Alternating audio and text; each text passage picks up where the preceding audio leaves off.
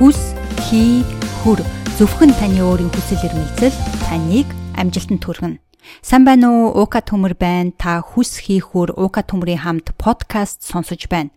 Та энэ подкастаар маркетинг, онлайн бизнесээс ахуулаад хувь хүний хөгжил, өөрийгөө хөгжүүлж бүтээх тухай дасгал хөдөлгөөн, фитнес, эрүүл амьдралын хэв маяг, өдөр тутмын дадал хэвшил, муу зуршлаа хэрхэн хаях вэ, амжилтанд хүрэхин тулд хүн яах ёстой вэ, юун дээр анхаарах вэ гэдэл олон янзын сэдв сонсохоос гадна би танд хэрэгтэй гэж бодож байгаа бүхэл зөвлөгөө, арга барил өөрийн туршлагаас хуваалцах болно.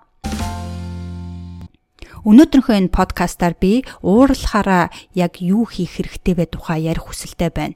Бид бүгдэд уурлах үе тохиодог тийм ээ. Уур бол сөрөг мэдрэмж ууралсан үедээ бид өөрийн эрэхгүй хайртай хүмүүсээ гомдоодог ч юм уу эсвэл буруу үйлдэл хийдэг. Тэгвэл өнөөдөр би ууралсан үедээ яаж өөрийгөө зогсоох тухай хідэн зөвлөмжийг орууллаа. Энэ зөвлөмж зөвхөн уурыг зогсоох биш, атаархал, ганцаардал, тавгүйтэл, стресс, айдас зэрэг сөрөг мэдрэмжүүдээ ч гэсэн зогсооход ашиглаж болно. Сөрөг мэдрэмж төрсөн үед хамгийн түрүүнд хийх үйлдэл бол тухайн сөрөг мэдрэмж төрснөө мэдхэн зүйтэй. Жишээлбэл уурлаж байгаа бол би уурлаж байна гэд уурлаж байгаагаа мэдэх. Стресстэж байгаа бол би стресстэд байна гэд стресстэж байгаагаа мэдэх. Та яг одоо өөрөөсөө бас асууж болно.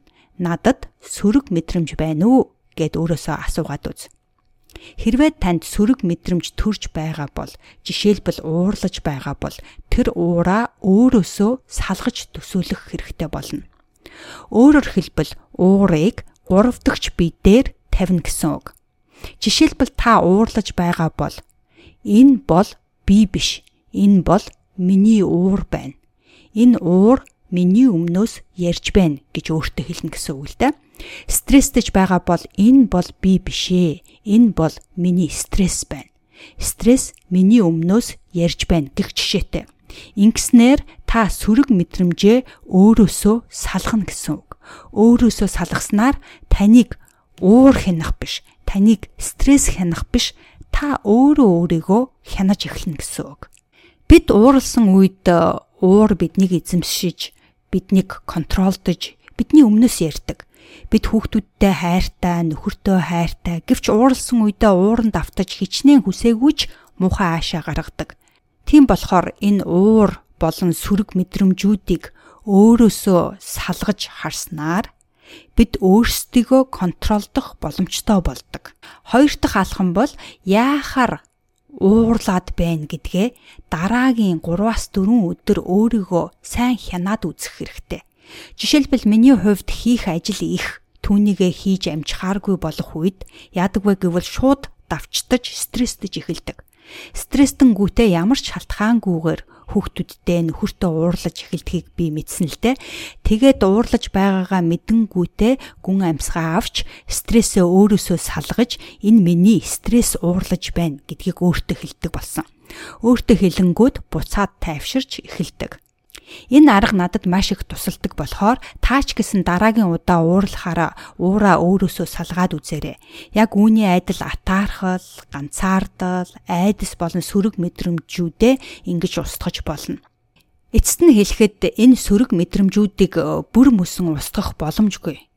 Энэ сөрөг мэдрэмжүүд яг цаг агаар шиг өөрчлөгдөж байдаг гэдгийг мэдэх хэрэгтэй. Шуурхтаа өдөр удаан үргэлжилдэггүй. Шуурхтаа өдөр бид нүур амаа таглаад өөрийгөө хамгаалаад гардаг тийм ээ. А шуурга зогсоод л нар гардаг. Хэсэг хугацааны дараа бороо орно. Бороотоо өдөр шүхрээ бариад гардаг. Борооч удаан үргэлжлэхгүй алга болдогтой яг л ижилхэн.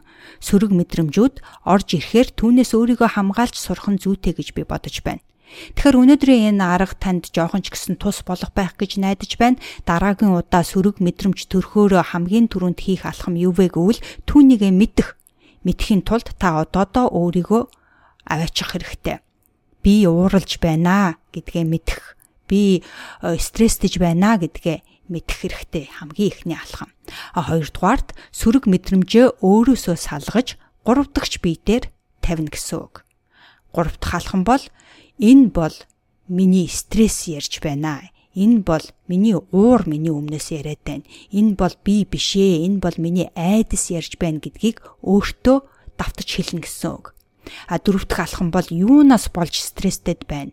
Юунаас болж уурлаад байна? Яагаад санаагаа зовоогоод байна гэдгийг дараагийн 3-аас 4 өдрийн турш өөрийгөө ажиад үз ингээд тав дахь алхам юу вэ гэвэл энэ сөрөг мэдрэмжүүд яг л цаг агаар шиг ээлжилж байдаг гэдгийг мэдэх хэрэгтэй.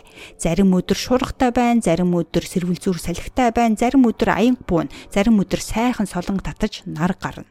За тэгэхээр та уура дарах сайхан аргыг мэдэж авлаа. Хэрвээ таалагдсан бол цааш нь хэрэг болох хүмүүст түгээгээрээ миний подкаст subscribe хийгээрээ.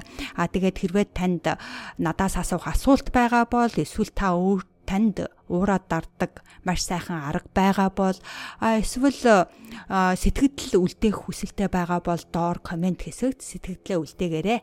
Хүс хий хүр. Зөвхөн таны өөрийн хүсэл эрмэлзэл таныг амжилтанд